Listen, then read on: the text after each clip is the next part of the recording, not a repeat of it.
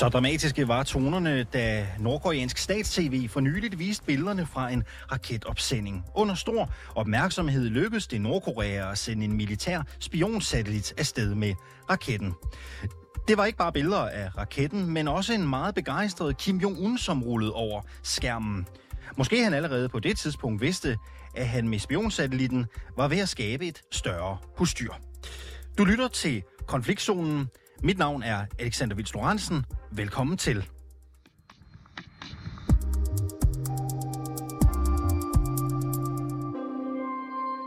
Det Hvide Hus, Pentagon, amerikanske militærbaser på Hawaii og et amerikansk hangarskib er alle blevet spottet af den nordkoreanske spionsatellit. I hvert fald, hvis vi skal tro det statslige nordkoreanske nyhedsbyrå KCNA. Lasse Karner, velkommen til konfliktzonen. Jo, tak. Du er 24-7's Asien-korrespondent. Hvad skal vi lægge i det, jeg lige uh, fortalte her? Jamen altså for det første, så må man jo sige, at tredje gang blev lykkens gang for Kim Jong-un. De har prøvet et par gange efterhånden og uden held, øh, men tredje gang lykkedes så at få sendt den her spion-satellit eller rekognoseringssatellit op. Og øh, det er jo en militær sejr, kan man sige, men det er i hvert fald også i høj grad en propagandasejr for, for styret, fordi det, det nu lykkedes. Og hvis man zoomer lidt ud, så kan man sige, at det også er sigende for situationen på den koreanske halvø generelt, hvor under pandemien var der relativt roligt, men nu ser vi så, at i løbet af det sidste års tid har, har Nordkorea igen skruet meget op for, for truslerne og for de militære øh, test af den ene og den anden slags. Så fronterne er ligesom trukket skarpere op imellem Nordkorea på den ene side, og så Sydkorea og Japan og USA på den anden side, men hvor Nordkorea også er rykket væsentligt tættere på, på Putins Rusland. Fordi det her, det sker jo relativt kort tid efter, at Kim Jong-un han rejste til Rusland, hvor han mødtes med Vladimir Putin, og også var en tur på, øh, på en rumbase, hvor han øh, gav udtryk for, at man var interesseret i rumteknologi øh, til det koreanske, øh, nordkoreanske rumprogram. Så det er jo også meget interessant at have med, at der er en dynamik og et, øh, et match der mellem Rusland og Nordkorea. Og Karno, du er jo 24-7's Asien-korrespondent. Du har base i Singapore. Du har fulgt øh, virakken om den øh, militære øh, satellit, der blev sendt afsted fra Nordkorea den 21. november. Øh, hvad er formålet med den helt præcist? Jamen, hvis vi kigger på, hvad de siger selv i Nordkorea, så påstår de jo, at det er rent defensivt, det her. Det er en satellit, som de vil bruge til at styrke lands evne til at forsvare sig selv. Men det er jo så bare ikke det, som den, den kun kan. Altså teknologien kan, hvis den virker optimalt, bruges til at overvåge sydkoreanske og nord- eller amerikanske øh, tropper rundt omkring i verden, i Sydkorea, i Japan og andre steder. Og så kan den selvfølgelig også hjælpe med at planlægge mere præcise angreb på diverse mål. Og når jeg siger hvis, så er det selvfølgelig det her med, at Nordkorea de har en historik i forhold til at melde meget bombastisk ud med deres nye landvindinger teknologisk og militært. Og man kan aldrig helt vide med sikkerhed, hvad de egentlig kan. Både øh, Sydkorea og øh, dets militære allierede USA har fordømt øh, nordkoreanernes satellitopsendelse. De mener, at det er et brud på FN's regler. Hvad betyder det for konflikten mellem Nordkorea og Sydkorea? Ja, det er helt sikkert et brud på de, de sanktioner, der er. Det, det mener jeg ikke, der er nogen tvivl om. Men det her det er jo ligesom en forlængelse af, hvad vi har set i et stykke tid i forhold til de her relationer på, på den koreanske halvø. Særligt siden sidste år, hvor Sydkorea fik en ny præsident, der hedder Yoon Suk Yeol, han fører en relativt hård linje over for regimet, end hans forgænger gjorde. Hans forgænger var ligesom mere ude at komme styret i møde for at prøve at se, om man kan tage noget af luften ud af de her spændinger. Og der afviser den siddende regering altså at give nogle former for indrømmelser, med mindre Nordkorea tager skridt til at rulle noget af deres øh, våben- og atomprogram tilbage. Og det er der bare ikke rigtig noget, der tyder på, at de har i sinde. Men Jun her, han, han er ligesom ude hele tiden og, og gentage, at man ikke vil lade sig presse. På bagkant af opsendelsen, der har Nordkorea og Sydkorea ophævet en fælles militær aftale, som øh, jo havde til formål at mindske spændingerne mellem dem. Hvorfor det? Ja, faktisk så var det jo egentlig Sydkorea, der var ude og suspendere dele af den her aftale først som en reaktion på den her satellitopsendelse. Og den her aftale, den handler jo om, at man tilbage i 2018 blev enige om at prøve at se, om man kunne skabe nogle forhold blandt, øh, langs den her demilitariserede zone, som deler de to lande, som er, har delt de to øh, lande siden Koreakrigen tilbage i 50'erne. Og det betød, at man ikke øh, måtte sende væbnede styrker helt frem, og man måtte heller ikke flyve ind over den her zone.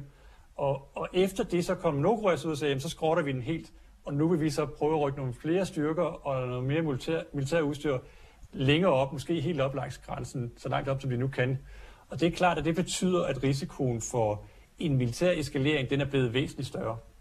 Nu har det her så ført til, at Nordkorea har sendt tropper og tunge våben til grænsen mod Sydkorea. Og Nordkorea har advaret om, at flere satellitopsendelser kan vente forude. Du er lidt inde på det i det, du siger.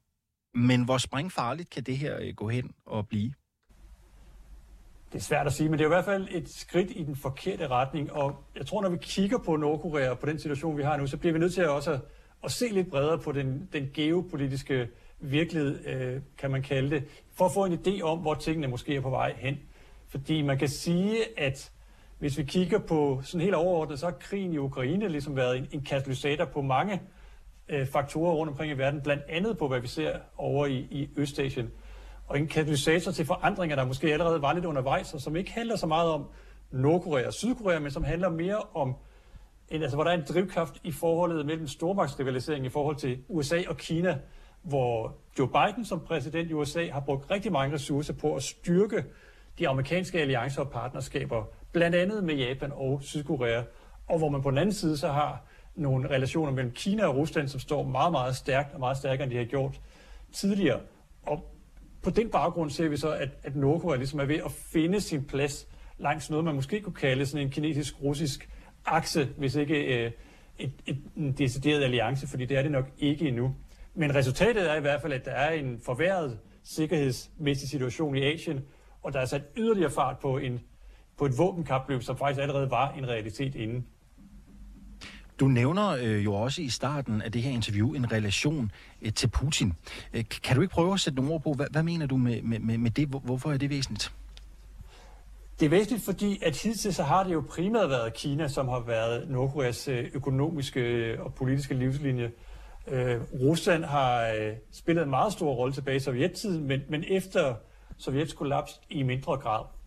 Og det vi så ser nu, det er, at, at Rusland måske ikke har så meget at tabe længere ved at række hånden ud i forhold til Nordkorea. Altså Rusland er allerede fuldstændig isoleret i forhold til Vesten i hvert fald.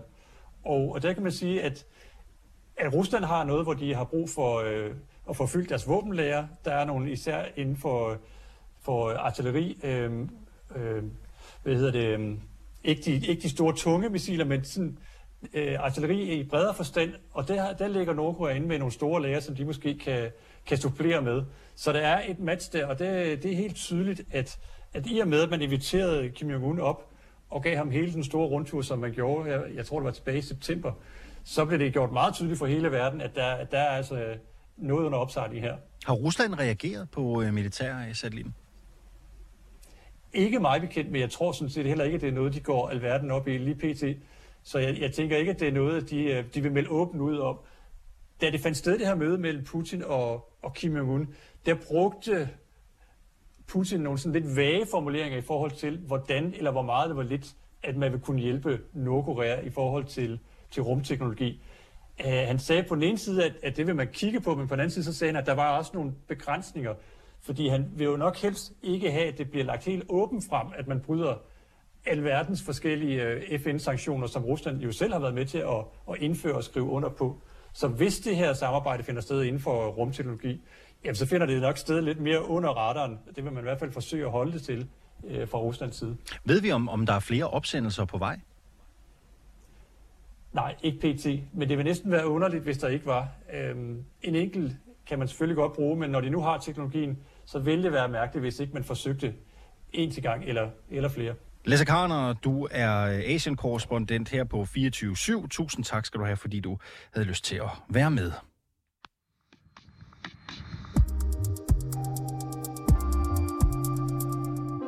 Liselotte Odgaard, velkommen til Konfliktzonen. Du er professor ved Norges Institut for Forsvarsstudier, og så er du seniorforsker ved Hudson Institute. Nordkorea har altså sendt soldater og tunge våben til grænsen. Det er, hvad vi ved. Men hvad ved vi konkret om, hvad det er, der foregår der? Jamen, det er jo som du siger, de har sendt tunge våben øh, og tropper øh, ind i den her, der burde være en demilitariseret zone. øhm, og der, der er lavet en aftale i 2018 Og det var jo under det her tøbrud med Trump, hvor man forsøgte at få en ordning med Nordkorea omkring deres atomvåben.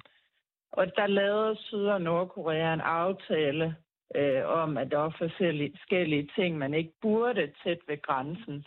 Øh, som for eksempel at have de her udkigsposter, som Nordkorea havde, og man måtte heller ikke flyve ind over den her zone og så videre. Men øh, Nordkorea har faktisk aldrig overholdt den aftale. Øh, de har for eksempel sendt droner øh, ind øh, over området, og nogle af dem er lovet så langt som til Seoul, hovedstaden i Sydkorea, og de har fyret missiler af, øh, som altså, er landet i havet, men er røget ind over Sydkorea øh, og andre ting. Øh, og så har de så her på det seneste, for nogle dage siden, lykkedes med at sende en såkaldt spionsatellit op. Det har de prøvet i flere omgange. Men så vidt man ved, har de med russisk teknologihjælp øh, lykkedes den her gang med at få den op. Man ved ikke, hvor godt den virker, men, men den er der i hvert fald. Og mobiliseringen, den kommer... Øhm, Mobiliseringen kommer jo efter, at Sydkorea har suspenderet en no-fly-zone ved grænsen, og det har så fået Nordkorea til at rasle med sablen. Hvilken betydning har den nordkoreanske mobilisering ved grænsen til Sydkorea?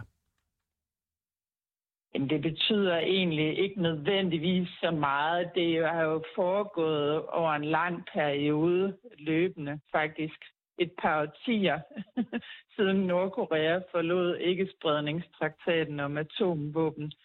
Øhm, altså, så har Nordkorea ligesom satset på, at de skulle have atomvåben, og det var et middel til overlevelse for regimet, fordi USA jo der tilbage i 2003 udnævnte Nordkorea til en paria-stat. Øhm, og det vil jo så sige, at, at USA, hvis de kunne, gerne ville have fjernet det her regime på det tidspunkt. Det var en del af ondskabens akse, som det blev kaldt.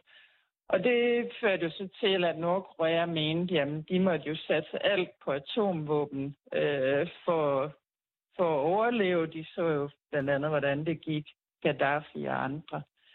Øhm, og det er jo så det, at de er blevet virkelig en stærk militær stat. Øh, og deres kilde til overlevelse, mener de jo selv, det er, at de kan true øh, med at skyde et atombærende missil af mod det amerikanske fastland, men selvfølgelig også true Sydkorea, Japan og amerikanske tropper stationeret i de lande. Ja, og... Så det er en proces, der er foregået over lang, over lang tid. Og som sagt, den her aftale, der var jo tøbrud under Trump, et kort tøbrud, hvor man forsøgte at få lavet en aftale, med dem, og det lykkedes jo ikke rigtigt. Så, og så, så øhm, altså det her, det er sådan lidt et led i den pågående eskalering, kan man sige, som, som set på den lange bane har foregået over lang tid. Og Odgaard, en ting er jo, at Nordkorea flytter tropper og materiel øh, til grænsen. Du var lidt inde på det for et øjeblik siden, fordi det er jo også interessant, hvad Nordkorea kan. Altså, hvad kan Nordkorea rent militært? Jamen, de kan jo efterhånden mange ting. Altså, nu er de også med på, på rumdomænet, ikke? Med opsendelsen af den her spionsatellit. Og hvis den virker, de siger jo selv, at de har kunnet overvåge, hvad der foregår på den amerikanske base på Guam. Og det ved vi ikke om rigtigt. Øh, men når de får det her til at virke, og det gør det jo formentlig, så vil det betyde, at hvis der er nogen, der affyrer missiler eller angriber Nordkorea, så er de meget bedre forudsætninger for at opdage det i tide til, at de kan svare igen øh, på en mere kraftig måde. Og øh, ja, de kan jo også selv affyre atomvåben øh, eller missiler, der bærer atomvåben med langt større præcision. Altså, så det her med at have den her satellit i rummet, det hjælper dem jo øh, militært på en måde, der selvfølgelig gør dem endnu mere truende øh, over for modparten, altså også i Vesten. Der kan jo... Altså, det er en eskalering, og det er jo egentlig derfor, at Sydkorea øh, sagde, at så vil vi ikke overholde den her øh, no-fly zone, øh, som der var tæt ved grænsen.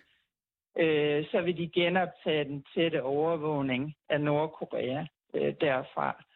Øh, og de henviser jo så til, at Nordkorea har aldrig overholdt den aftale, som sagt, og har hele tiden brudt øh, den aftale, man var blevet enige om i 2018.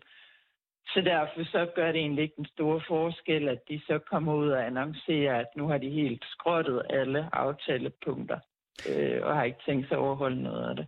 Der kan jo ske øh, uforudsete hændelser og misforståelser, når man har en masse, øh, må man jo antage, anspændte soldater på et lille landområde. Øh, hvis vi ser på Nordkorea som nation, Rådgaard, er, er Nordkorea mere nervøst anlagt, så at sige, end andre nationer?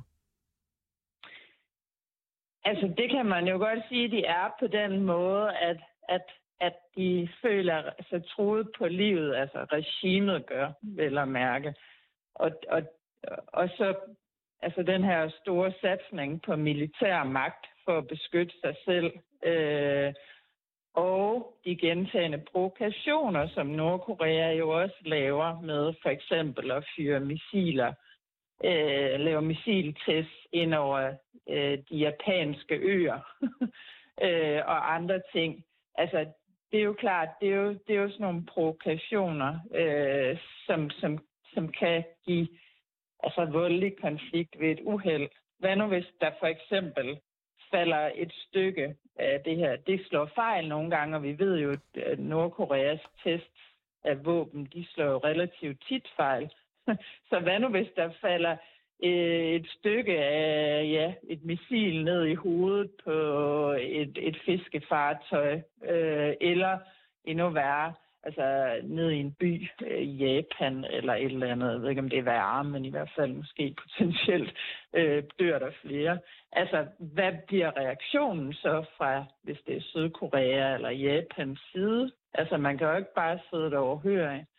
Øh, vi har haft episoder før, altså der var et skib, øh, der blev sunket, et sydkoreansk skib for nogle år tilbage, hvor der døde jeg kan ikke huske, hvor mange det var, men vi er oppe at sige nogen af 60 mennesker, ved at tro, eller noget af den stil.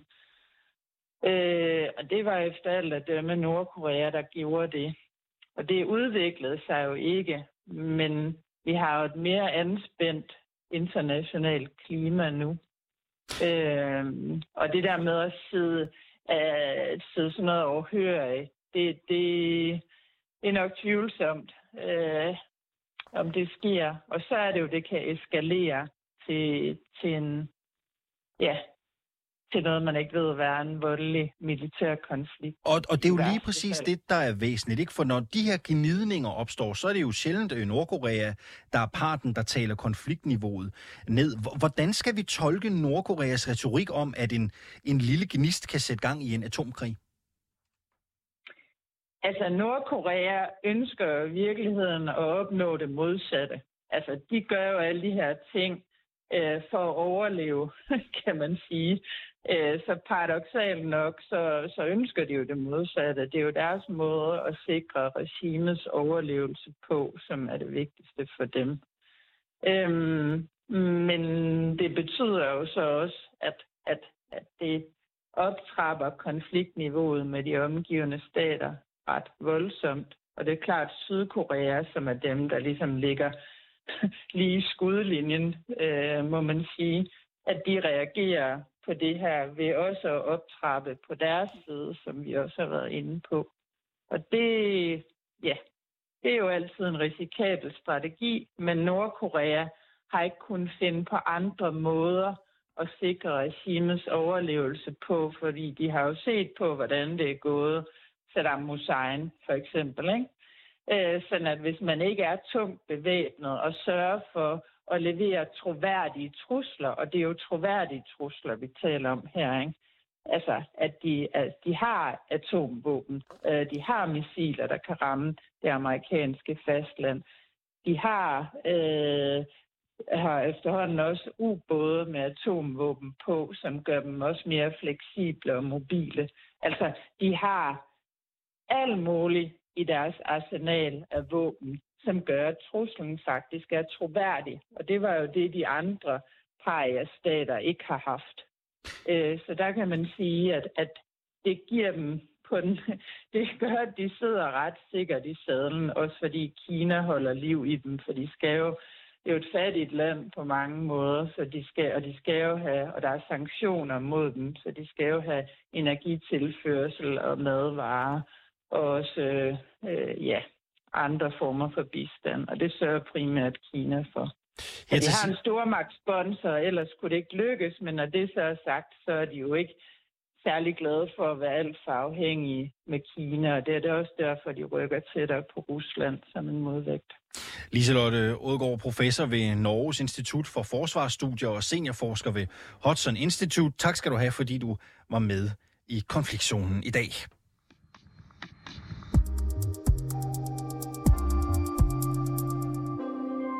Du har lyttet til dagens afsnit af Konfliktzonen 24-7's udenrigsmagasin. Jeg hedder Alexander Vils Lorentzen, Sofie Ørtser, Oliver Bernsen sidder i redaktionen, og Samuel Kro Larsen øh, stod for teknikken. Husk, at du altid kan høre programmet direkte hver mandag til torsdag fra 8 til 8.30, ellers så finder du det selvfølgelig bare som podcast, der hvor du finder den slags i morgen. Er min kollega Oliver Bernsen tilbage igen med en ny konflikt fra et andet sted i verden.